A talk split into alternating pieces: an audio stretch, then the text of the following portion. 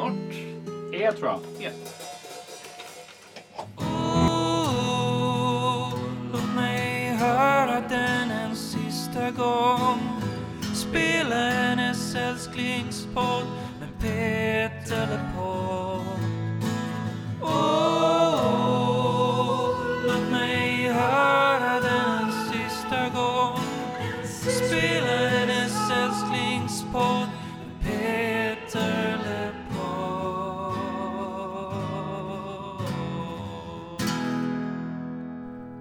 Välkommen hem. Welcome home. Tervetuloa kotiin. Bienvenue casa. Okinisananai. Ja, det där var alltså eh, försök på engelska, finska, spanska och ett oerhört misslyckat försök på japanska. Kan du inte dra det på Trollhättemål också? Ja, hur, hur, hur säger man då? Trollhättan, välkommen hem. Välkommen hem alltså till podden som idag har internationella ambitioner. Eh, Jag heter då Tony Savela och eh, med mig så har jag som vanligt Emil Gustafsson Rydrup.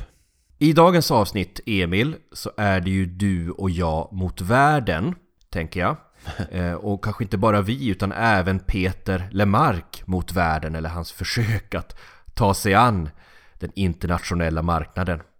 Eh, I det här avsnittet så kommer vi bjuda på glädje, eh, på historielektion och på musik. För idag som sagt så ska vi snöa in på ämnet Peter Lemarks försök, eller kanske är det hans skivbolags försök att eh, nå utanför Sveriges gränser. Vi kommer också prata om översättningar från svenska till utländska. Både i allmänhet men kanske i synnerhet låten Det finns inget bättre. Och så ska vi då som sagt bjuda på en hejdundrande överraskning. Vi ska prata med Kristoffer Hedberg, Trollhättepojken, eh, som då är frontfigur i Peter Lepolds husband Easy October. Och orsaken till att vi ska prata med honom är, ja, det har med dagens ämne att göra. Oj, vad spännande Tony. Mm. Emil, när du tänker på svenska artister som har slagit utomlands, vilka tänk... Meja, Vilka... Meja, okej, vilka fler? Meja, Cardigans, Linköpingsbandet Ghost, Robin. Du, du tänker inte på Sveriges kanske två största exporter, eh, ABBA och Roxette? Jo, men det är så tråkiga exporter. När det kommer till Roxette så är ju faktiskt deras historia lite intressant. Det är att det är lite likt när Peter breakade med Håll om mig. Det var lite eh, tur och lite sådär ett sammanträffande. Så var det ju samma när Roxette lyckades breaka för att någon utbytesstudent hade med sig en Roxette-skiva till USA och gav till sin kompis som hade någon lokalradio. Där han började spela en låt för att han gillade den och det spred sig som ett virus. Och sen, sen gör de en låt till, eh, till Pretty Woman. Och resten är historia. Och frågan är om Peter Lemark bara var, en, var några spelningar på en college-kanal ifrån att nå overseas. Hade bara rätt studiobolags Nisse i USA sett när Peter Lemark tolkade den här Flashdance-låten i måndagsbörsen så hade vi sett en helt annan karriär för Peter Lemark. De här artisterna som vi rabblar nu så är det ju ganska få av dem som har börjat på svenska och sen har gått över till engelska. Men ja, men ABBA är väl det, det solklara exemplet som om man nu vill gå ända tillbaka till början, när de hette Festfolket eller när de var med i olika olika Hootenanny Singers och grejer. Men eh, Abbas första skiva var, var ju på svenska och sen när de blev, slog internationellt och så blev de på engelska och gick över helt och hållet till det. Och man kan ju bara fantisera om en värld där Peter Lamarcks utlandssatsningar hade lyckats och han då eh, kanske från och med liksom Bok med Blanka bara gett ut skivor på engelska. Mm, jag vet inte om det är en... Om jag hade haft två dörrar framför mig. Det hade en dörr som var eh, Peter Lemark hålla sig till Sverige eller Peter Lemark gör bredbenta rockskivor i USA på engelska. Så hade jag nog valt vänsterdörren. Varför Emil har vi gett oss på detta ämne? Eller vad är det du tycker är intressant med Peter Lemarks försök, eller hans skivbolags försök att nå utomlands? Nej, men det, det är väl i princip att det fin, fanns väl ett, eh, som jag gissar, ett, ett sunt försök att bredda honom till de andra nordiska länderna som väl gäller alla svenska artister. Att man försöker få han lite att börja spelas i Danmark, Norge och Finland. Möjligtvis också Island. Men sen det, det egentligen superintressanta är ju när det når sin peak. När de eh, vid Det finns inget bättre där faktiskt spelar in låten Det finns inget bättre på två andra språk och försöker att breaka internationellt på riktigt. Eh, så det är väl det jag tycker är spännande. Och sen även såklart det här med att han, två av hans plattor har släppts i i Japan på, liksom på svenska. Men ändå fått en riktig japansk release. Det är också helt bisarrt när man tänker på det. Ska vi göra som så att vi tar de här sakerna eh, var för sig och så börjar vi det här då. Ska vi se, Norden, vad var det som hände? Det var någon som tänkte vi ska försöka få sprida Peter Lemarks musik till, till de andra grannländerna. Ja, men det, jag vet inte om han har gjort kanske tidigt gjorde några spelningar så där kanske hoppade över och gjorde någon spelning i Danmark. Jag vet inte, men Uh, han lyckas ju inte breaka. Det finns ju en del sådär uh, tv-framträdanden från Danmark och Norge med honom.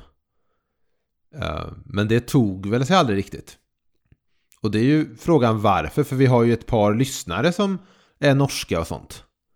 Så vissa har ju upptäckt honom på egen hand. Ja, vi har faktiskt ganska en, vi har faktiskt en handfull lyssnare från Norge. Eller det brukar i alla fall komma varje avsnitt så kommer ett handfull klick från Norge och från Danmark och Österrike och Schweiz.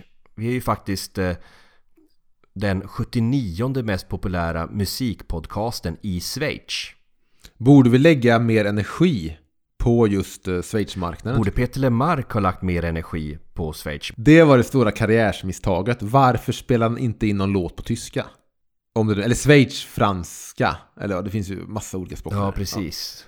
Men han lyckas väl inte riktigt i alla fall eh, eh, breaka de andra länderna än Sverige. Och jag inte, vad tror du det kan bero på? Är det, är det bara otur? Eller är det att det, det, skiljer, det skilde sig på något sätt kulturellt då mot sen när Tåström, Håkan Hellström och Veronica Maggio kan spela på Spektrum i Oslo och sådär och sälja ut? Ja, det är, det är faktiskt väldigt svårt att säga. Jag har inte heller, liksom, heller känslan för hur musikmarknaden såg ut i de här länderna eh, just då. Normen har ju fått liksom konsumera väldigt mycket, mycket svensk kultur.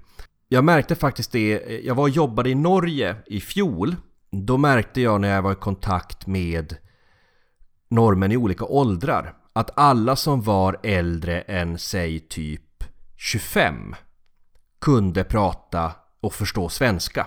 Men var i Norge var du? Då var jag i Sandefjord Okej, ja, för annars hade det varit Oslo så är det inte så konstigt med tanke på att på, på alla, all servicepersonal. vi är ju kackerlackor i Oslo. Ja men ungefär. För, för norrmännen. Och, eh, men då märkte jag att alla, alla som var under 25 inte förstod alls svenska. Eh, och i synnerhet inte barnen. Det är för att de ser inte liksom svenska barnprogram längre. De får inte det där i sig med modersmjölken på samma sätt. Men kring 96 eller var det 95 där med Bok med Blanka så försökte de ju att lansera Peter Lemark i, i Norge. Eh, och då hade de ju exempelvis en pr- promosläpp av låten Blå taxibil. Av alla singlar att välja på den plattan. Och man undrar, vi vet att det var inte Peter Lemark själv som valde den låten utan det var någon skivbolagsperson som tyckte att ja, men det här är rätt för norska marknaden. Varför väljer man att släppa den låten? Ja, eller kan det varit någon på MNV som ville sänka Pedlemark?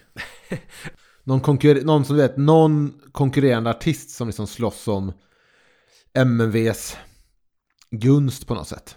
Som smög in sig, fan ni borde verkligen dra den där blå taxibil. Ja men det är väl konstigt att inte exempelvis Tess som var en sån hit, att den inte valdes ut. Ja, sen vet jag inte hur det där fungerar. Det kan ju vara så att Tess på något sätt pushades mot radier också. Men, men jag vet inte riktigt vad den här blå taxibil, någon sorts promosingelsläpp, var den... Var det ut till radiostationer då eller var det någonting i en goodiebag? Jag vet, alltså, jag vet inte vad det innebär. En promosingel kan väl vara mycket olika saker men... Det är ett bisarrt val av en singel hur som helst. Vet du, jag satt och tittade på här nu innan vi började här, eh, den här inspelningen. Svenska hjärtan kanske. Nej, jag satt och kollade på ett eh, norskt eh, tv-program från 1996 som heter, nu ska vi se om jag uttalar det här rätt, Vese. Som då var eh, ett populärt late night show i Norge på den här tiden. Deras Och- En kväll med Luke. Ja, någonting sånt. Deras fast Skavlan. precis deras, deras tidiga Skavlan. Och Deras, det kommer mera med eh, Arne Hägerfors och Anders Lundin. Vi har ju pratat om det uppträdandet innan när Peter är då med och slutet av programmet så är det en intervju med, med Mona Sahlin eh, kort efter den här Toblerone-skandalen och eh, efter det så säger eh, programledaren ja och nu ska vi höra då eh, Peter Lemark och då så spelar Peter, eh, kommer Peter ut på scenen och sjunger då Jag ska gå hel ur det här. En låt som vid det här laget är nästan tio år gammal. Detta är när de eh, försöker sälja den Lemarkologi Greatest Hits-skivan. Så det är inte Precis. så konstigt att man väljer... Även om det ändå är ett lite konstigt val. Mm. För det var ju också första...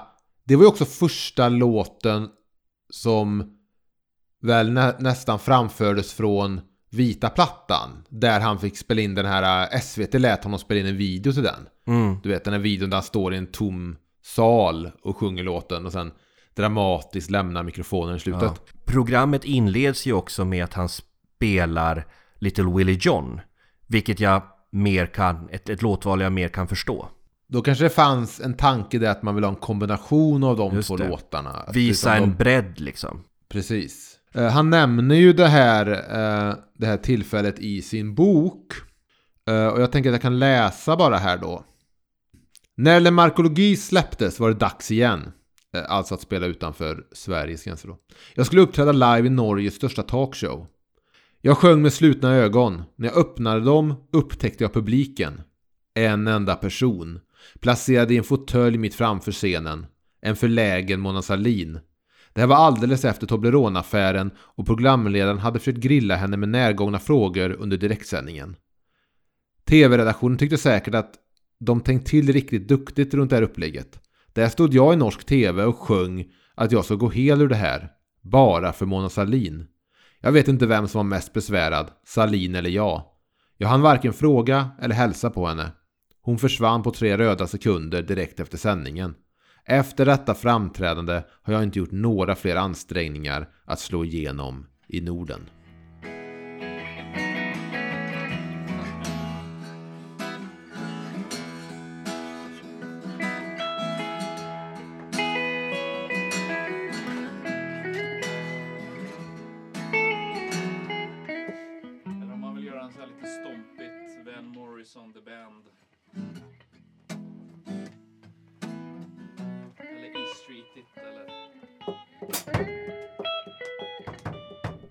Det här försöket då till att slå igenom i Norge 1996 inför Mona Sahlin. Senare samma år så eh, gjorde man ju också ett försök på marknaden Asien. Vilket är så här, lyckas man inte i, i Norden så får man ge sig på Japan istället. Eh, och det försöker man då med Peter Lemark. Eh, för man släpper då hans två mest framgångsrika album. Sången om spelande filmen slut och Det finns inget bättre i Japan än 96 och 98. Och då får man som man brukar få i Japan. Det är väl en tradition där för att på något sätt eh, hämma import, eh, import av skivor istället. Att man ska köpa de dyrare eh, lokala släppen. Det man gör alltså är att man eh, får med extra låtar, vilket är väldigt vanligt då på japanska släpp. Och på sången om spelande filmen slut så får man den här 59 sekunder. Den låten ligger med på slutet. Inte i början som du, som du tycker Tony att skivan ska starta med den. Och sen, det finns inget bättre, då får man med en engelsk version av titellåten Det finns inget bättre som ligger där på slutet. Och den här eh, engelska versionen ska vi verkligen grotta ner oss i. Men eh, jag har faktiskt här Emil framför mig pressreleasen för, eh, för Japansläppet. Och det är skrivet av en kille som heter Yoshike Watanabe. Och eh, nu har jag säkert förolämpat åtminstone två kulturer genom att uttala hans namn fel. Men ni får be om ursäkt för det. Ska jag läsa lite valda delar ur pressläppet här? Ja, hur, Tony, säljer man in Peter Lemark i Japan? Här kommer det. Och redan nu vill jag be om ursäkt för min, eh, mitt kassa engelska uttal. Det är därför den här podden aldrig kommer slå utomlands. Så här skriver då denna Yoshiko. Swedish women, particularly those who are intelligent and independent minded, all say in unison Lemarque's lyrics are the very best. No one can write songs as romantically as he does. I completely agree with them after going through the Japanese translation of the lyrics. I recommend you to read it once before or after listening to this CD. Another thing I have noticed is that his melodies are easy for Japanese to get used to. Sen så kommer det en liten här, en liten biografi över Peter Lemark. Och eh, jag undrar ju här om du och jag Emil hade skrivit Peter Lemarks biografi på samma sätt. Lemark was born at Torlhattan, Sweden in 1958.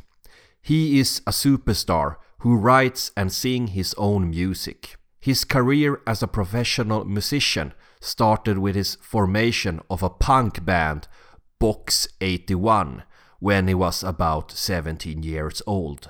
Hoppar jag lite grann i texten här då så tycker jag det är kul när vår eh, Yoshiko skriver här. Efter då Det finns inget butter då eh, han gav sig ut på den här Nationwide Tour så skriver han I had a chance to experience his show last August. I found him a passionate and sexy performer who knew how to bring the audience into laughter. Det stämmer väl? Det är också intressant här längre ner hur eh, eh, Peter pratar om det här med att skriva på svenska och engelska. It is my dream to try a concert tour abroad. But I'm a writer who writes in Swedish. I can write songs in English, but then the words lose their value. I was surprised to learn that my albums will be released in Japan, as I have always thought that I can only convey my, my message in Swedish. Man kan också säga att eh, Japan var inte den enda marknaden man gav sig på i Asien. Eh, I samband med lemarkologi så släpptes den faktiskt också i Taiwan. Ja, så man gör ju ändå en kraftansträngning då att breaka han i Asien med omnejd på något sätt. Där. Eh, men eh, ja, det lyckas ju inte. Det jag, det jag tyckte var lite intressant var så här att, aha okej, man satsar alltså i Japan på att ge ut låtar på svenska. Men den förklaring då som vi har fått fram i vår research är ju alltså att japanerna är så dåliga på engelska så det spelar egentligen ingen roll. Jag har också hört det där att de, de kan sjunga låtar perfekt för att de kan sjunga dem fonetiskt men de vet inte vad det de sjunger. Mm. Har jag hört. Eller läst en intervju med något, någon amerikansk artist. Och förstår jag det rätt då att då följer det med översättningar i texthäftena liksom där texterna står på japanska? Det intressanta jag vet om eh, på något sätt eh, den japanska fankulturen är eh, från när Pearl Jam spelade 2003. Då vet jag att de blev väldigt överraskade av att japanerna kom i kostym till konserterna. De kom liksom direkt från jobbet. Och stod och, och, du vet, alltså, och visade sån respekt för bandet att de inte gör något väsen. Det där är ju en gammal klassiker som man har hört. Vilket jag tycker motbevisas på många sådana där live at Budokan-skivor som man har hört där man kan höra ganska kraftigt publikljud.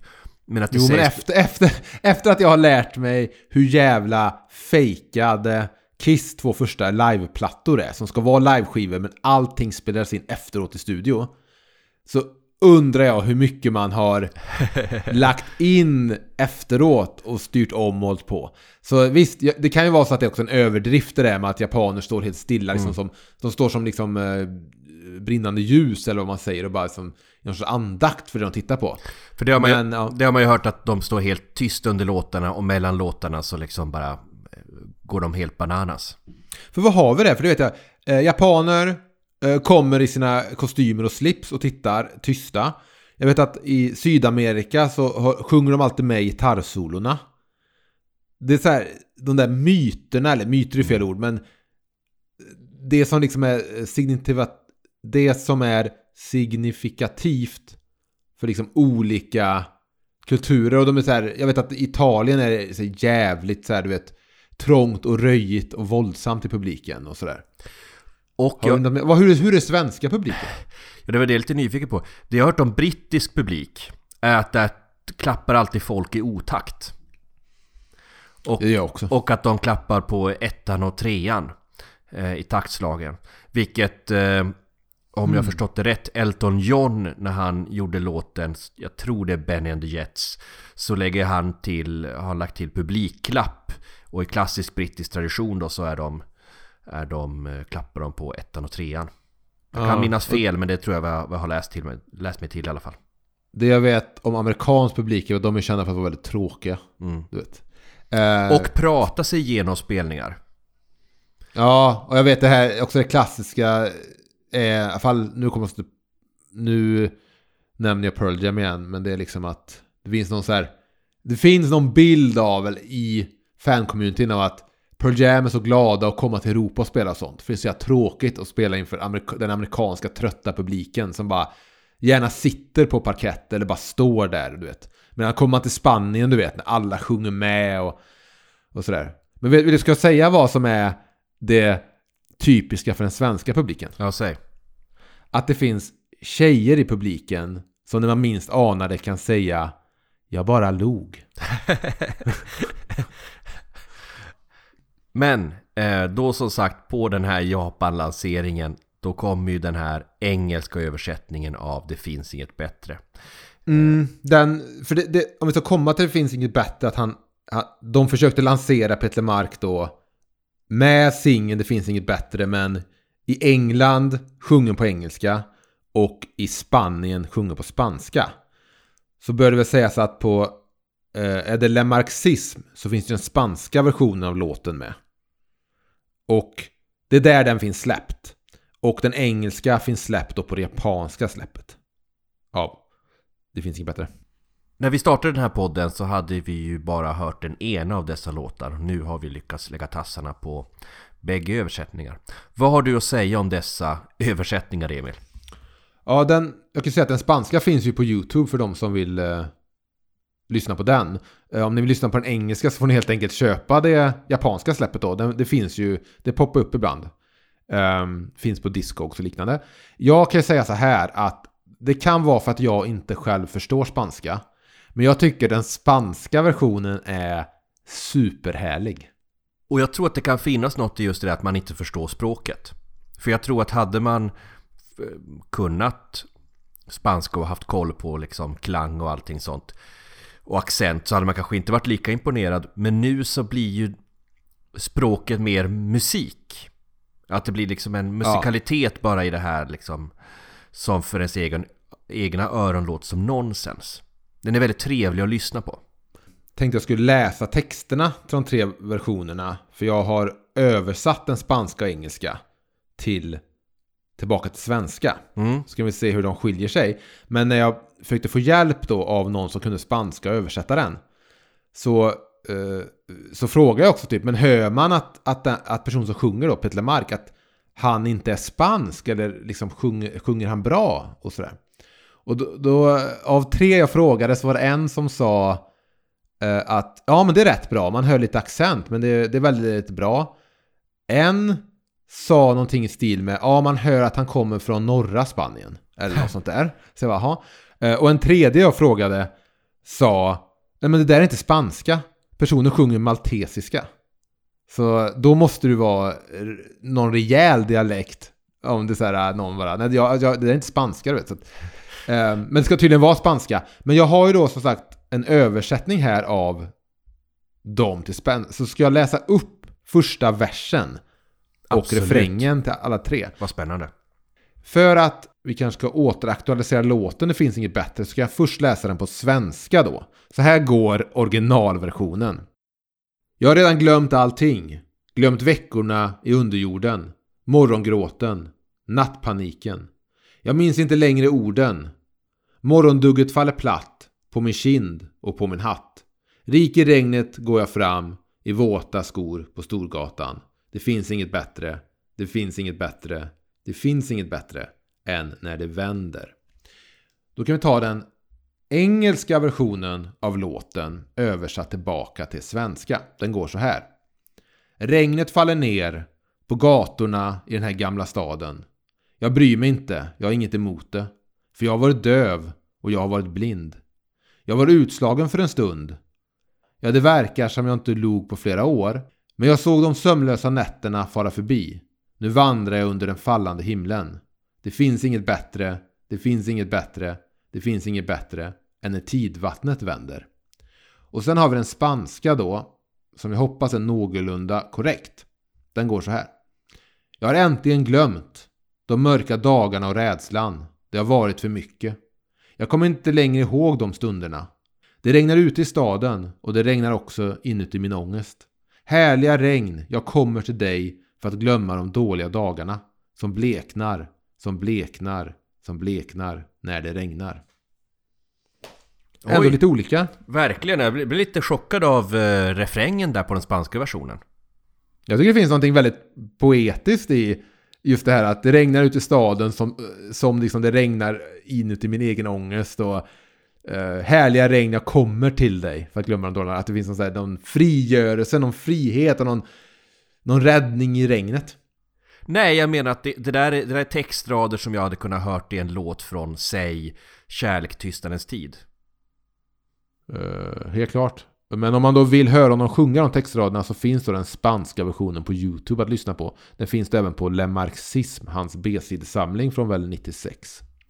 Och vill man höra den engelska versionen i en annan tappning så finns ju Jerry Williams coververs- eh, coverversion. Eller jag vet inte om man ska kalla det cover. Eh, Den hamnar i alla fall på en Jerry Williams skiva från 2000. Så finns den engelska Can't slow texten. down heter det väl. Mm. Eh, precis. Och där, när jag kollar nu på den låten, så vill jag säga att den engelska texten har credit till två personer. Det är Peter Lemark, men det är också Monica Asplén. Mm. Och vi båda vet ju vem Monica Asplén är i Peter Lemarks liv. Ja, det är ju hans eh, livspartner. Är det är fan fler rader? Jag tänker att det hade varit så jävla mäktigt om vi gör den i den här långsamma så här släpiga. Tänk om man skulle haft ett litet gitarrsolo i sticket. Ett Mm. sprucket jävla så här. Ja. Fast det, den är så här. Den är liksom Ja, var- sä, sävlig och god. Mer så här, liksom. Ja, så kommer den något med jävligt mycket. Man får någon, eh, någon sjuk kontrast. eh, Ja. Space-kontrast. Den här engelska översättningen som eh, vi har hört. Vad Mm. tycker du om den? För där är ju ändå ett språk vi kan, vi faktiskt förstår. Jag ser väl inget fel på den. Men det är väl just, skillnaden är väl att det blir lite mer magiskt kring den spanska just för att man inte förstår språket och sånt. Den engelska blir så mycket enklare att jämföra med den svenska. Och då plötsligt kanske man eh, saknar lite det här med morgongråten, nattpaniken och de här veckorna i underjorden och så kanske. Men eh, vad tycker du? Jag funderar lite grann på det där svenska versus engelska. Och varför vissa Mm. artister väljer att sjunga på svenska och vissa väljer att sjunga på engelska liksom sådär. Om man bortser från det helt uppenbara att det är lättare att liksom slå internationellt om man sjunger på engelska. Det Ja, och sen också, också väl lite också att man... Många är också uppvuxna med en engelsk rocktradition, eller det man själv har lyssnat på är Ja men precis. liksom... Till exempel ja, amerikansk eller engelsk rock. Och då kanske det blir att man står där i garaget så vill man väl vara Mick Jagger mer kanske än vad man börjar tänka att men jag ska nog ändå vara tidig Björn Ulvaeus. Ja. För, för det som händer när du sjunger på svenska för en svensk publik är ju dels, tänker jag, att det är lättare att beröra om det blir bra. För att det är alltid lättast att uttrycka sig på sitt modersmål. Tror jag. Alltså nå någon sorts kärna i det språk som liksom är ens första språk. Men det blir också väldigt lätt att märka när någon är falsk eller när något inte är bra. Förstår du vad jag menar? Jag tycker det går att dra en parallell till även film. Ja, Absolut. Att jag kan känna samma där, att jag tycker jag ser tafflighet tydligare. Mm. Men när typ en kärlekshistoria ehm, kommer så är det som ett slag i magen som en, eh, en, en amerikansk coming of age kärlekshistoria. Du vet, Mm. inte riktigt kan. Så, jag- så, så jag håller med dig helt och hållet. Men det, sen tycker jag det är svårt för jag tycker svenska språket kan vara otroligt jävla starkt. Om det hanteras eh, liksom av rätt hantverkare eller av rätt, Mm. ja, vad ska man säga, alkemist eller? Ja, och vårt öra blir ju ett helt annorlunda. På engelskan kan du komma undan med både klyschor och, och också en, en, en andra pretensioner än vad du kanske kan på ditt eget språk. För att vi har på något sätt accepterat engelskan som ett visst sorts rockspråk. Ja, men det är, det är igen en parallell till filmen. Man har liksom accepterat en viss grammatik när det kommer till amerikansk film. Som man aldrig Så kan även, om, på även, om jag, ja, så även om jag sitter och kollar på en amerikansk film och ser väldigt, väldigt tydliga, klyschiga till exempel repliker. Så undermedvetet, eller liksom att jag blir så inlärd med att det här är ett filmspråk, så accepterar jag det. Men på svenska, jag tycker inte riktigt man i Sverige har lyckats på samma sätt etablera det här är en, en, en svensk filmform. Så, och det, lite samma med musiken också. Att det blir svårare, liksom man kan slänga in ett baby i en amerikansk låt lite var, var som helst. Så det är, så här, det är en, en krydda man är så van vid. Men i Sverige så blir det svårare att vara, vet, där, där tycker jag liksom man får väga orden lite mer ofta. Och där någonstans så tycker jag att det blir spännande när vi pratar om Peter Lemark. För då undrar jag, Emil, är det så att Peter Lemark funkar bäst på svenska? Eller kan han också funka på engelska? Eh, eller skulle han kunna vara bättre på engelska?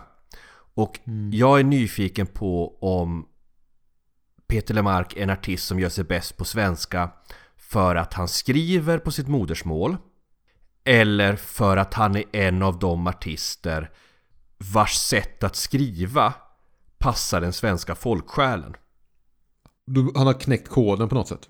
Ja men Som, precis. så likt Roy Andersson och jag vill säga Ruben Östlund lyckades med. Ja men artister som har hittat sätt att hitta den där perfekta balansen mellan ett berättande och att det låter ärligt. Och jag skulle säga att det finns, det finns några ganska få svenska artister som jag tycker har hittat den där perfekta balansen. Och då kan man liksom driva tesen att säga är det så att Peter Lemarks sånger går ganska bra i samklang med, med det svenska språket? Och, och, det, och, det, och det svenska uttrycket, alltså det här det eftertänksamma, det grubblande, det melankoliska. För att även om melodierna och musiken tror jag har, eller har haft, internationell potential. Så kanske det är så att när vi hör There's nothing better så är det så att språket förlorar något väldigt specifikt svenskt som gör att There's nothing better blir en jävligt fin, bra soulmelodi men att det där som gör låten speciell för oss svenskar har försvunnit i översättningen. Det blir väl någonting som urvattnas när vi plötsligt läser av låten i den amerikanska rocktraditionen och den grammatiken. Jag tror att man blir mer... Sen har jag blivit superberörd såklart av eh, amerikansk och engelsk rock. Det är ju inte så. Men det är klart att när Rolling Stones eller vilket band du nu vill slänger ut ett baby så betyder det inte lika mycket som när Peter LeMarc säger Här kommer din älskling. Mm. Jag tror att det blir automatiskt en liten distans så fort det blir eh, engelska.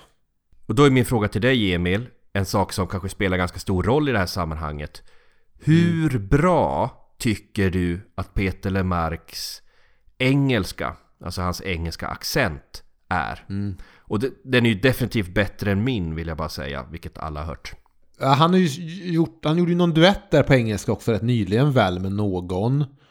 Och han, han kör ju ett par Elvis-covers live och sådär. Men om vi utgår från den här låten bara.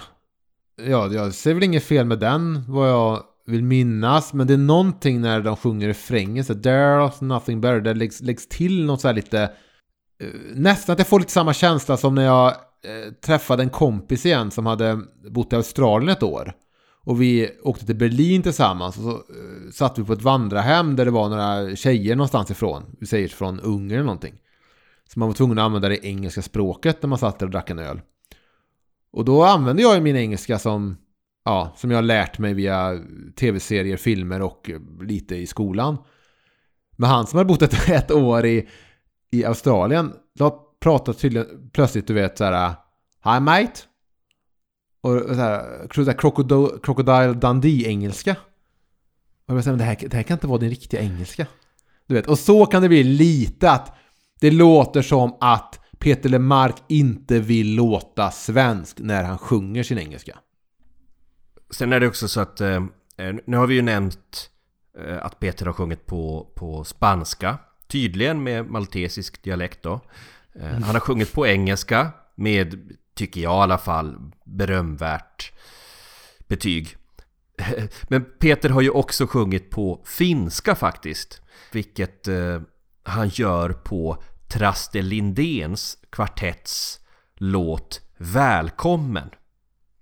Och där så en, en tangoliknande sak där det kommer in en mörk mansröst och sjunger eh, på finska och det är alltså Peter Lemark. Eh, Och han är ju inte finsktalande men mig Mm. hade han kunnat lura eh, faktiskt. Han eh, fonetiskt så gör han ganska bra ifrån sig. Sen har väl också, finns det ju också ett släpp på en rallyskiva. Alltså den här finska, förlåt inte finska, den här humorserien som gick på P3 på 90-talet. Släppte olika CDs. Och där Stefan Liv då, som var med i Box 81. Han har ju på en av rallyskivorna släppt en skämtversion där Peter sjunger Håll om mig på någon sorts låtsasfinska. Utöver det så finns det också ett eh, lite roligt klipp på YouTube som Peter Lemark själv lagt upp från när han soundcheckar eh, 2007 på Cirkus. För då kör han Little Willie John. Vad jag vill minnas är på någon sorts leknorska. Eh, så om man vill höra någon sorts norsk version av Little Willie John så kan man hitta den på YouTube då på Peter Marks egen kanal. Mm. Men Tony, om han då försökte breaka i Spanien och England med Det finns inget bättre. Vilken låt hade du valt istället för att på något sätt maximera chansen för honom att breaka i Spanien eller England? Så här, jag tror att det hade varit klokt för Peter att välja någon låt som har lite så här allmän hitpotential. Alltså där, där inte liksom vi behöver läsa in alla de här tandkrämstubspråken och sådär. Jag tror att Tess hade, som är en liksom väldigt hittig sak, hade funkat väldigt bra på engelska. Jag tror också att typ Håll om mig eller Mellan dig och mig hade kunnat bli liksom ganska svängiga engelska grejer. Ja, men nå- ja, det du säger här är att ta någon av de hittiga singellåtarna. Du, så du tycker inte att han borde kört blå taxibil på spanska? Jag tror att det hade varit ett sämre val. Ja. Eller den tyska versionen, Blaue Taxi Auto.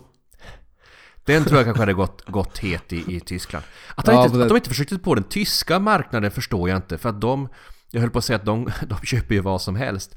Men, eh, men eh, de har ju också lite mer svensk förkärlek. Men han hade kunnat bli liksom, du vet, nästa Siv Malmqvist. Men jag undrar om det kan varit så enkelt att det var mer så här, du vet att... Alltså tillfälligheter. Att någon på MMV var så här, men jag känner ju en snubbe i, i Spanien som på det och det bolaget, vi kanske ska göra någonting ihop med dem. Alltså mer så än att det var... Eh, ett, alltså att, än att det, det var liksom 14 möten i något konferensrum för att komma fram till hur ska vi bäst staka ut en internationell karriär Mm. för våran artist Peter Lemark. Och vilka steg ska vi ta? Jo, vi startar så här med Japan. När vi har tagit Japan. Samtidigt som vi försöker ta eh, Norge med hjälp av Mona Sahlin. Och sen, alltså så, här, så jag tror att det kanske var mer, som sagt, tillfälligheter. Mm. När vi nu pratar om översättningar så kommer jag lite oförlupet tänka på killen som heter Kristoffer Hedberg. Och det är ju en Trollhättepojk som vi har hört sjunga den här intro-outro-låten eh, i, i podcasten eh, i 19 avsnitt nu eller vad det är. Eh, han är ju frontfigur i bandet Easy October. Du och han har ju känt varandra ganska länge. Du har gjort musikvideo till honom och annat roligt. Ja, precis. Jag har gjort ett antal faktiskt av Easy Octobers musikvideor. Och han har ju faktiskt översatt en låt av Peter Lemark från svenska till engelska. Ja, och då kan vi ju faktiskt fråga Kristoffer själv. Vilken låt av Peter Lemark är det som ni i Easy October har valt att översätta? Det blev ju eh, min eh, favorit ända till september. Vilket känns lite hisnande att ge sig på sin egna favoritlåt med en favoritartist. Det är ju näst, jag tror att det är min favoritlåt med Peter också. Vi vill ju höra allting om ditt översättningsarbete med den här låten och inspelningen och sådär. Men först är vi ju lite nyfikna på eh, vem du är. Våra, våra trogna lyssnare har ju hört dig sjunga det här introt, vad är det, 19 gånger nu. Eh, och, eh, och, det, och den är ju en väldigt populär melodi som jag vet att, att många går omkring och nynnar på. Den här, eh, vad ska man säga, det är väl inte en spoof, vad är rätta ordet, den här, vårt intro som är en pastisch. En, en pastisch på Little Willie John. Hommage. Kanske. Hommage, Ja. exakt. Men kan vi ta snabbt bara gå igenom kronologin Hedberg-Lemark? A brief history of Hedberg slash Lemark. Precis, om vi då om vi backar till 2005, där det, där det vad jag vet är det första dokumenterade eh, mötet mellan Hedberg och Lemark. Det är på Tresta Musik, där Peter Lemark är för att signera. Tresta Musik är alltså den här eh, närmast historiska, legendariska skivbutiken i Trollhättan. Som nu är nedlagd. Eh, det, ja, där ligger nu istället då, sossarna har den lokalen istället ihop med LO. ABF eller LO. Ja. Ja, så det är ju fantastiskt. Vilken levande stad Trollhättan är. Hur som helst. Eh, för där finns det ju faktiskt video på att du och Peter eh, spelar gitarr ihop utanför Tresta Musik. Mm, För en liten skara människor. just Och då är, min, då är min fråga, för jag vet om att du jobbade du på Tresta Musik då? För jag vet att du jobbade där sen, men jobbade du där så tidigt? Ja, det kan jag nog ha gjort. Jobba lite extra, lite helger då och då. Mm. Eh, Så det, det stämmer nog. Men jag var inte i tjänst den dagen. Var du, där, var du där för att få en liten signatur på Ja, 17 sånger? precis. Så, så det måste ha varit att jag, jag hade ju börjat skriva låtar. Jag hade ju inte släppt någonting då. Eh, Jag hade spelat in ganska många demoskivor och gick från att kalla mig William till att bara kalla mig Kristoffer Hedberg. Men då var det nog fortfarande William. Eh, jag undrar också, för jag tror att vi går den här kvällskursen ihop 2005. Så kan Ja. det vara Ja, det stämmer. ungefär där någonting då? Ja. Och i den vevan så skickade jag liksom CD-skivor till Peter till, eh, till Bagis och eh, jag minns att jag fick liksom alltid respons på något mail, så här lite kortfattat. Ja, och då minns jag att jag stod i kön där och jag var ju nervös som fan.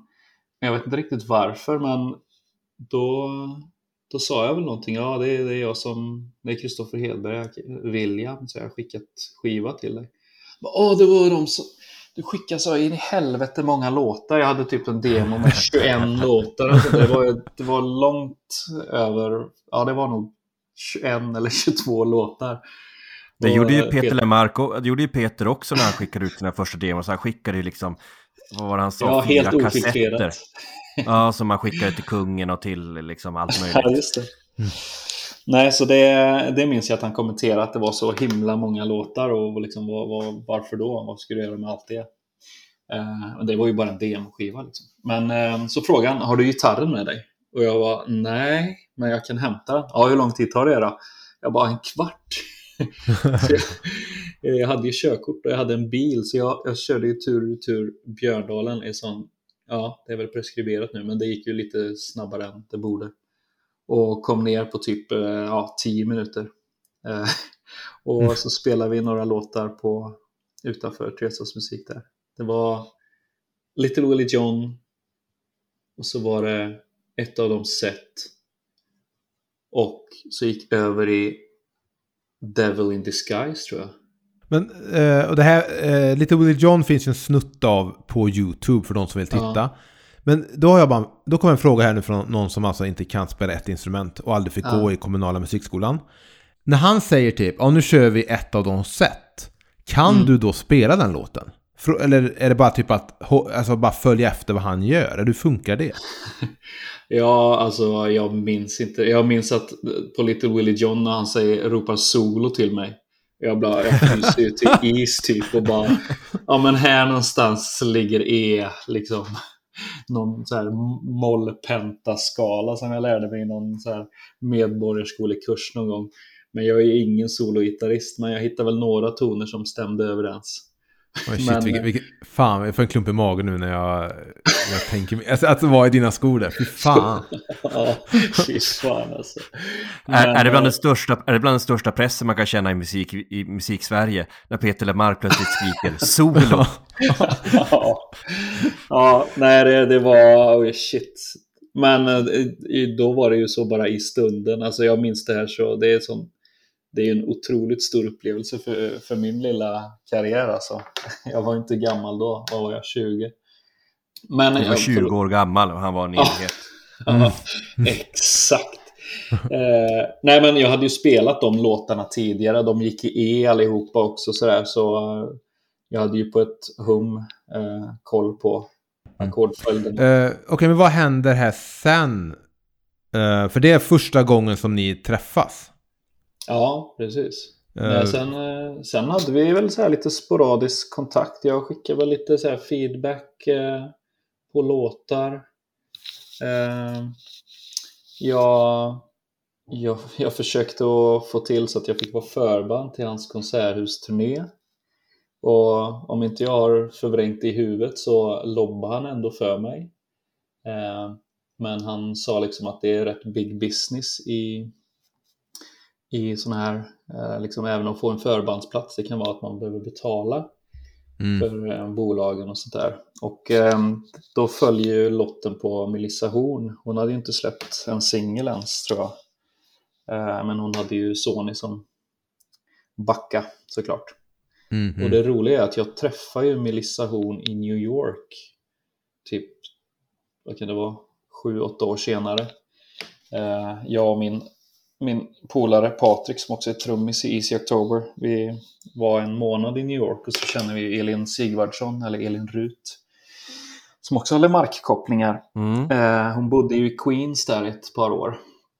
Så vi umgicks lite där och då samtidigt var Melissa Horn på besök i New York och bodde av en slump bara ett kvarter ifrån oss. Så jag, Patrik, Melissa och Elin umgicks lite grann så. Och då satt jag och Melissa och pratade just om eh, det här med förbandsturnén eh, till Peter och jag sa att ja, jag, pratade med Peter i den vevan och ja, det stod mellan mig och en till eh, vilket visade sig vara du då. Och då sa hon bara va? Jag visste också att det stod mellan mig och en till men har aldrig vetat vem. Så då, det var, då satt vi på en rooftop i Williamsburg liksom och har blick ut över Manhattan skyline. Så det är också ett litet roligt ögonblick. så. Men eh, ändå då 2007 är det året han har den turnén. Men det, du, då släpper han ju också skivan eh, Kärlek i tystnadens tid. ja, Och då, då när han har en, eh, någon sorts förhandslyssning för fans eh, Mm. på något värdshus i Stockholm. ja. Då fick jag veta, för det här har inte jag hört någonting eh, av dig säga, men det här, det här fick jag veta nyligen då, eller vi fick veta nyligen, Mhm. var ju att du var där då och spelade.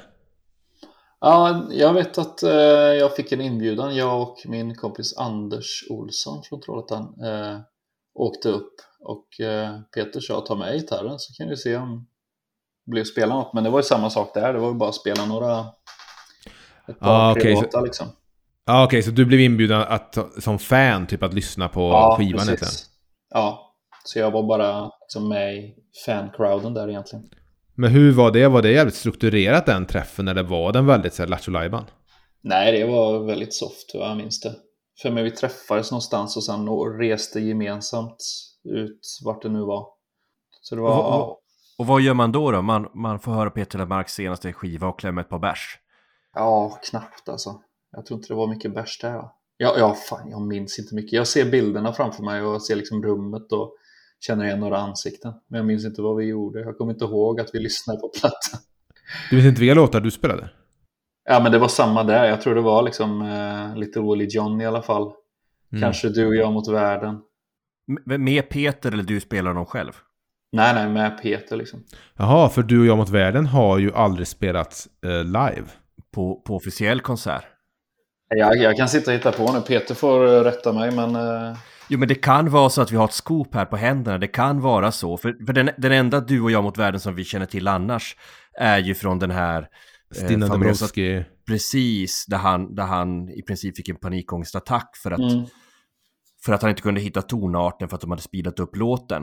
Och då kanske kan vara så att det enda andra hyfsat Men var det du och jag offentliga mot världen? Var Ja, inte det någon annan? Nio broars väg eller något?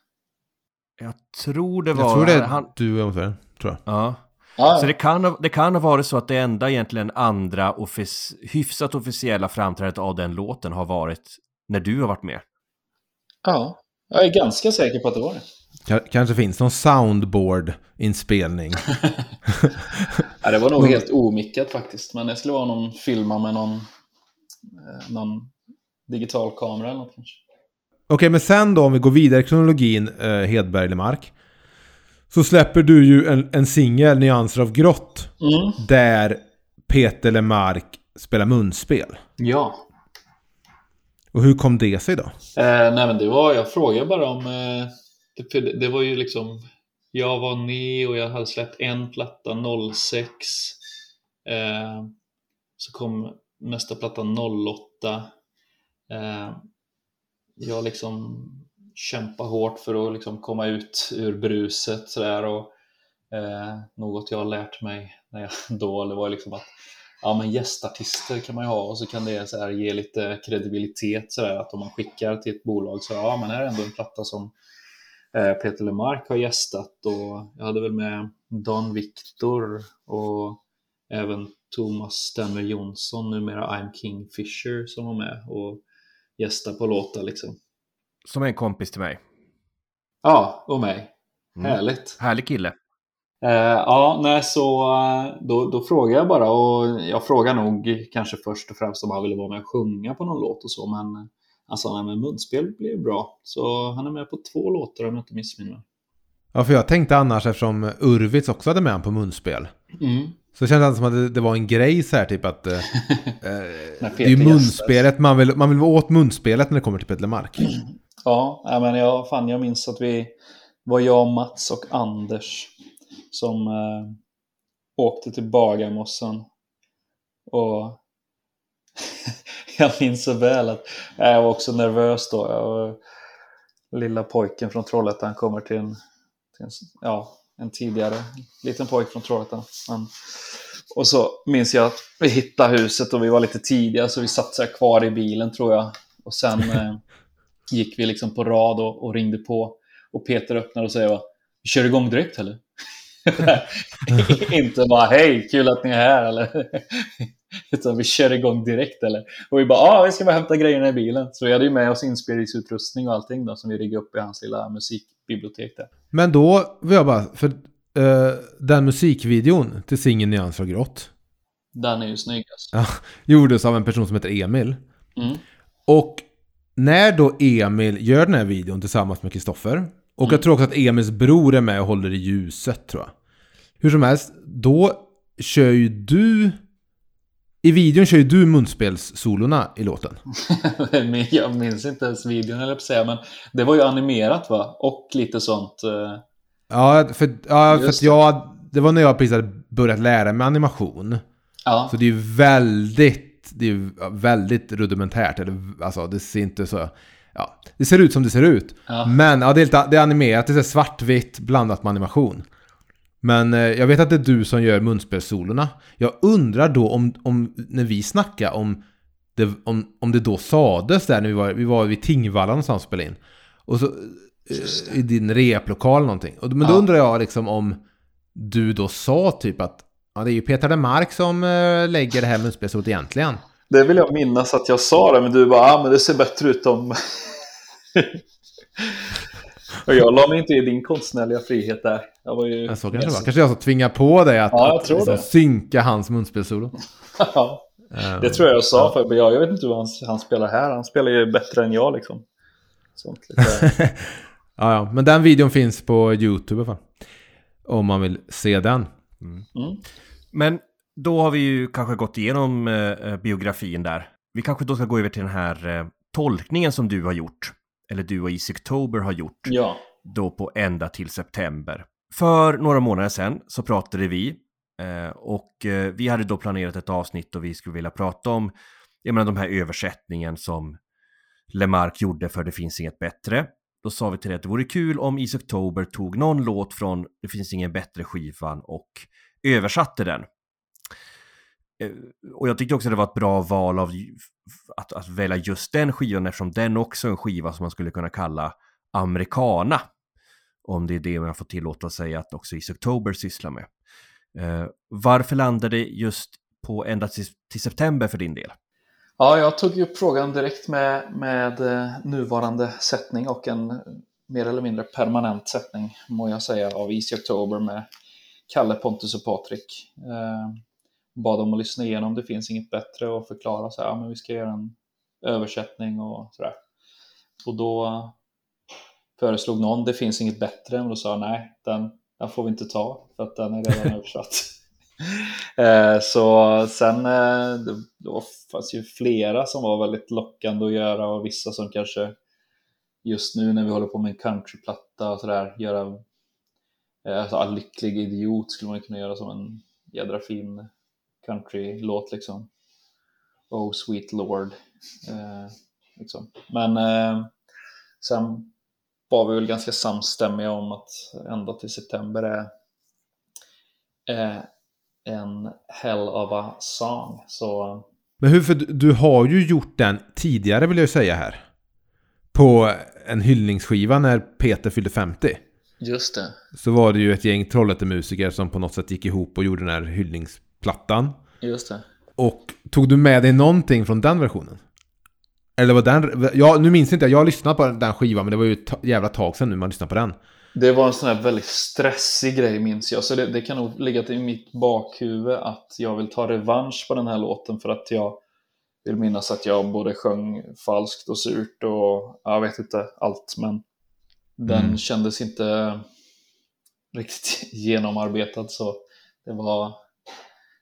Nej, jag, jag, har, inte, jag har inte lyssnat på den eh, sen den spelades in typ. Så det, det kan också vara sådär att nej men, får ändå göra en ordentlig tolkning och till och med en översättning då, så ta lite revansch på den här fantastiska låten.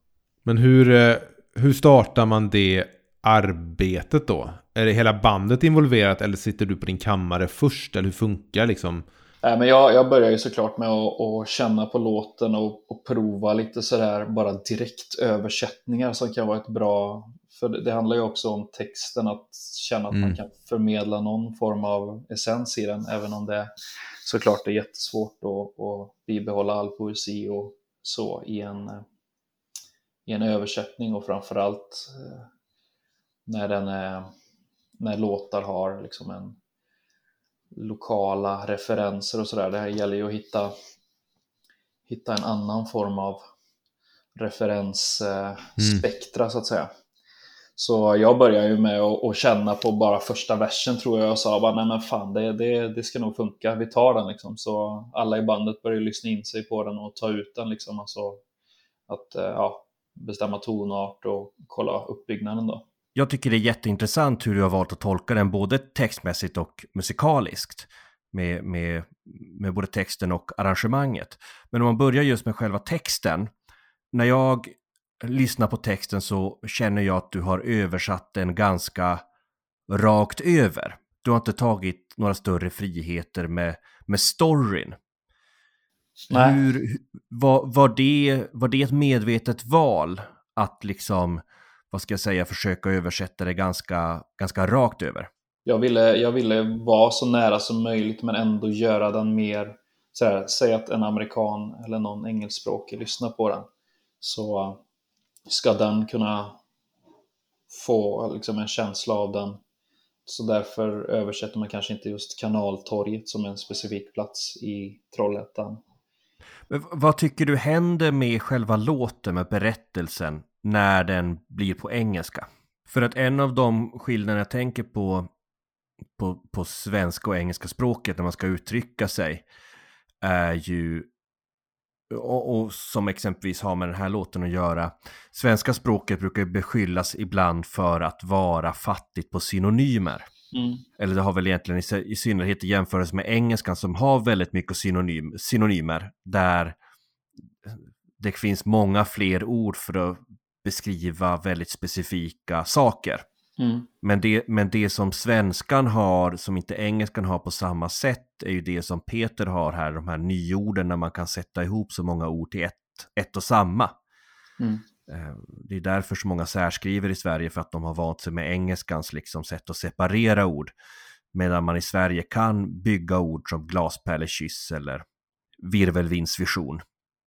Mm. Är det någonting liksom i låtskrivandet du känner man har olika styrkor eller svagheter på när man skriver på, på de två olika språken? Eh, ja, men alltså mycket handlar ju om tycke och, och, smak där, liksom vad man gillar för stil och så. Jag, jag personligen kan nog ha svårt för, eh, för för mycket nyord eller för, för tekniska ord eller att man vet slänger in ett ord som, eh, jag vet inte, display eller iPhone eller referenser till något väldigt eh, så här, modernt och sådär. Jag vill inte att det ska bli för tekniskt. Jag vill att det ska mm. vara ganska tidlösa texter och, och eh, inte... Jag, jag gillar när man läser en, en dikt eller en text eller något att jag ska få bilder, jag ska få en känsla, men jag vill inte att så här, jag ska kolla över den och så är det några ord som poppar ut. Liksom, att det är bara wow, var fan kom det ifrån? Eh, skatterevision. Bara, nej, trök. Nej, det, det ska det, liksom vara en balans i texten. Så. Det tycker jag ju att eh, Peter har ju ofta ett tidlösa, till exempel i ända till september. Mm. Men ibland slängs det in ett CNN i någon låt. Och ja, på den här, i Karlssons källare så, sjung, så sjunger han ju om att lägga upp en bild på Insta och sådär. Ja. Där han uh, sätter låten väldigt mycket i ett nu, en tid. Och där kommer ja. låten liksom sitta fast. Så han, ja, ibland lyckas det, ibland eh, lyckas det sämre. Är min mening sådär. Eh, nu har jag inte just exempel på Peter, men andra artister och sådär också. Om vi lämnar lite då att du skriver texten och ni går in i studion. Um, när ni sitter i studion så vet ju jag om att ni var väldigt öppna med uh, i vilken stil låten skulle gå i. Mm. Uh, för ni pratar ju om att uh, till exempel så här, men ska vi göra en så här, E Street Band stompig? Mm. Och så har jag ju hört lite att ni har suttit och testade det. Mm. Men sen så bestämde ni mig för att göra lite, ni pratade också om att ni kanske skulle kutta i verserna eller ta bort mm. någon, ja kanske ta bort någon rad i verserna för att låten blir så otroligt lång. Men sen så ja slutar ändå upp med att ni, ni gör en väldigt episk version. Kanske den mest mm. episka versionen av den här låten någonsin.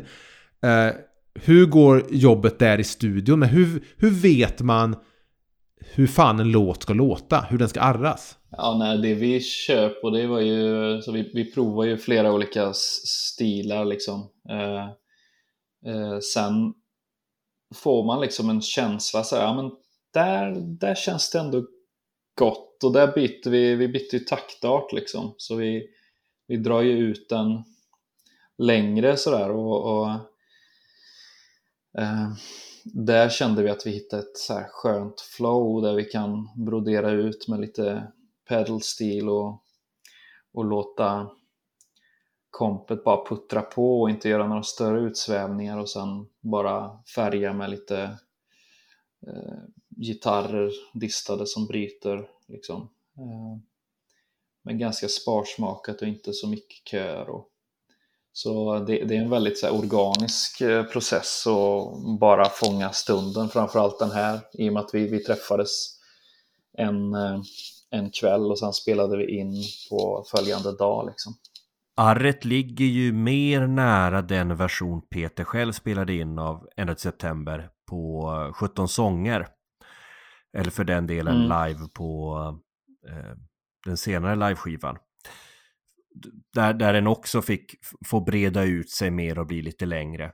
Eh, och i, i bägge fallen här så fokuset hamnar ju på ett annat sätt på texten. Mm. När, när låten brer ut sig så. Det blir ju, och, och jag känner ju här i mixen också att din röst ligger ju, ligger ju högt i mixen. Så Mm. att det blir ju... Man, man, när man lyssnar på låten så kan man inte undfly orden och historien om du förstår vad jag menar. Nej, men det, det, i och med att vi gjorde den långsammare än originalet helt klart och sen bytte taktart så fick man ju liksom extra luft mellan raderna så varje rad får ju ett tydligt utrymme så. Eh, och vi tyckte det blev rätt så skönt. Eh, och varje rad, och ser man till originalet, alltså varje rad säger väldigt mycket. Eh, det är liksom mycket innehåll. Det är, det är bilder och det är liksom händelser och man, man kan verkligen sugas med i, i berättelsen. Jag älskar de typerna av texter. Har du, nå- har du några förslag eller, eller något exempel på andra låtar som är sådana? Eh, på svenska eller engelska? Eh, Bägge.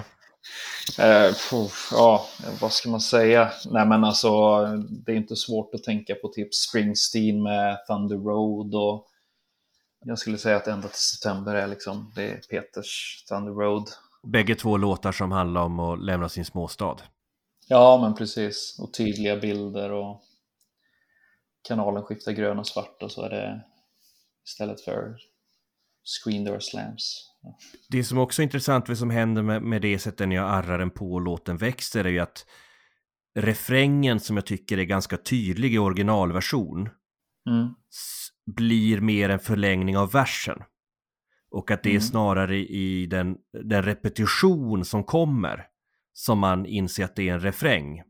Ja, men det är ett medvetet att den så här smyger sig på, men så här, lyssnar man i lurar och liksom har bra volym så det händer ändå rätt mycket i ljudbilden, även om det inte är så där tydligt att sången eh, markerar, utan eh, Mm. den går över i ett lite annat groove liksom och eh, vi har valt att dra ut på Sweet kiss makes you so goddamn weak heartbeat, att det blir ett litet annat ja, en liten annan melodi där. Jag tycker att ni har lyckats Eh, med att när ni tolkar om den och, och byter språk, att det känns som en låt som också står på egna ben. Alltså att man får någonting nytt utav att lyssna på den än att det bara är liksom en, en karbonkopia på originalet fast på, fast på engelska. Mm, nej, fint, tack. Det är ju det som är liksom lite förhoppningen, att när man gör en tolkning så det ska inte bara vara att man har översatt och sen sjunger och spelar likadant, utan att hör man bara den här så ska den ändå kunna stå lite på egna ben. Så. Hur känner du nu? Är du, har du fått blodad tand? Finns det fler låtar du skulle vilja kunna ge ett försök och, och tolka om eller översätta? Ja, men det tror jag nog. Eh, om inte annat så har det liksom väckt eh, lite så skaparlust och, och det, det är nog nyttigt att göra så här emellanåt bara för att få perspektiv och, och få lite nya tankar eh, kring sitt egna skapande också. Och, Skulle du kunna tänka dig att på Tonys bröllop spela låten Rainy Day at the Western Sea? lätt. Ja, men min, nej men för det, mina funderingar också är ju när man, eh, när man sätter sig ner och gör ett sådant här projekt, när du verkligen specialstuderar den här låten som Peter har skrivit och du själv ska liksom tolka om den och översätta den och allt det där. Eh, precis som om man, att du måste ju själv ha gjort en analys där av hans låtskrivande. Finns det någonting att lära där? Ja, det finns ju massor att lära såklart. Sen jag har nog gått i den eh, Lemark-skolan liksom, eh, tror jag. Eh, eftersom jag lyssnar väldigt mycket på honom tidigt i, när jag började skriva låtar och sådär. Så, eh, det är ju inte svårt att se framförallt i mina svenska plattor liksom att eh, ja, här är någon som har lyssnat på Peter Lemark. Det är på gott och ont kanske då för, för min del. Men eh, det, var, det gav ju Peter mig faktiskt eh, mycket sådana låtskrivartips och tricks och så när jag var, när jag var ung. Det minns jag. Sådär att, ja, men skriv ner liksom. Nej, men eh, jag minns så väl att han där, eh, gav tips om att så här, ja, men kolla på gamla franska filmer. Vad kallas de? Noir? Eh, eh, Franska ja, noirfilmer och sådär. Och deras eh, dialog och sådär. Och ja, men sno och låna och liksom att det fanns mycket att hämta i sånt, minns jag. Så börjar man översätta till franska Peters låtar så kanske ni har en hel... Då kommer det stämningar så in i helvete mot Peter Lemark. Ja, ja. Ja. Det var därför de valde att inte satsa på utlandslansering precis i, Frankrike för att då hade det varit liksom så här Serge Gainsbourg, allt från så liksom Serge Gainsbourg till, ja till liksom Marseljäsen. Den så här fransk-poetiska filmen Det finns inget bättre. Som var stor hit 1954 i Frankrike. Exakt. Ja. Ja, men nu sitter vi alla som lyssnar då och eh, väntar på att få höra den här låten, översättningen av Ända till September av Easy October. Men eh, Kristoffer, först, vart hittar man den här podden? Den hittar man där poddar finns va? Det stämmer.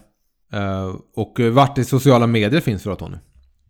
Finns på Facebook, Instagram, eh, Twitter. Eh, På alla dessa ställen eh, under namnet Peter Lepodd. Och vem har gjort vårt intro och outro då, Kristoffer? Det är jag. Peter Lepodds husband, Easy Ja, och- det är vi så eh, otroligt glada över att få eh, ha spelat. Men idag, istället för att spela vår vanliga outro-låt, så ska vi istället spela den för Peter Lepodd exklusiva översättningen och tolkningen av Ända till September som heter, ja vad, heter den på engelska? Until September. Yes, indeed.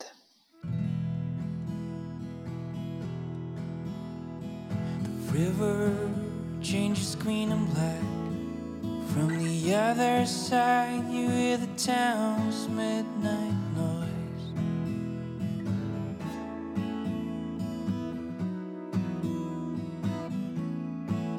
Only blue light from the boats. No one sees when you give her something she enjoys.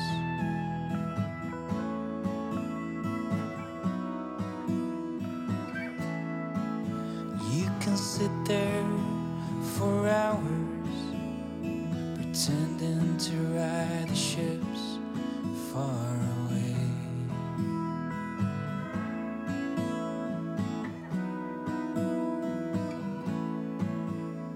Look, here comes Timberline towards distant ports. Where'd you like to go someday?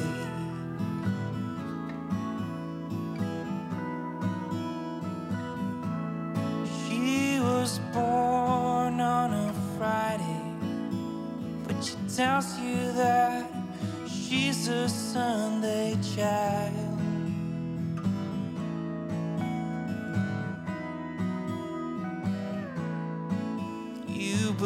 Her every word. You can see it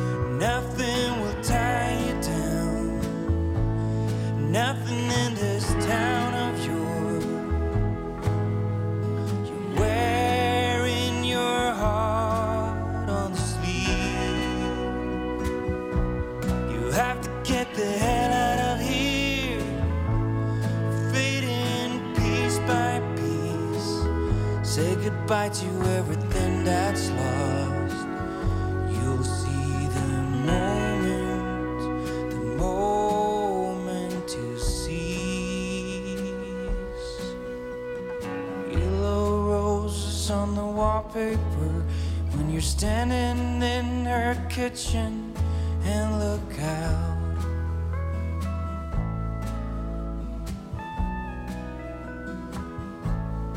On an endless orange sky that's only bringing you to death.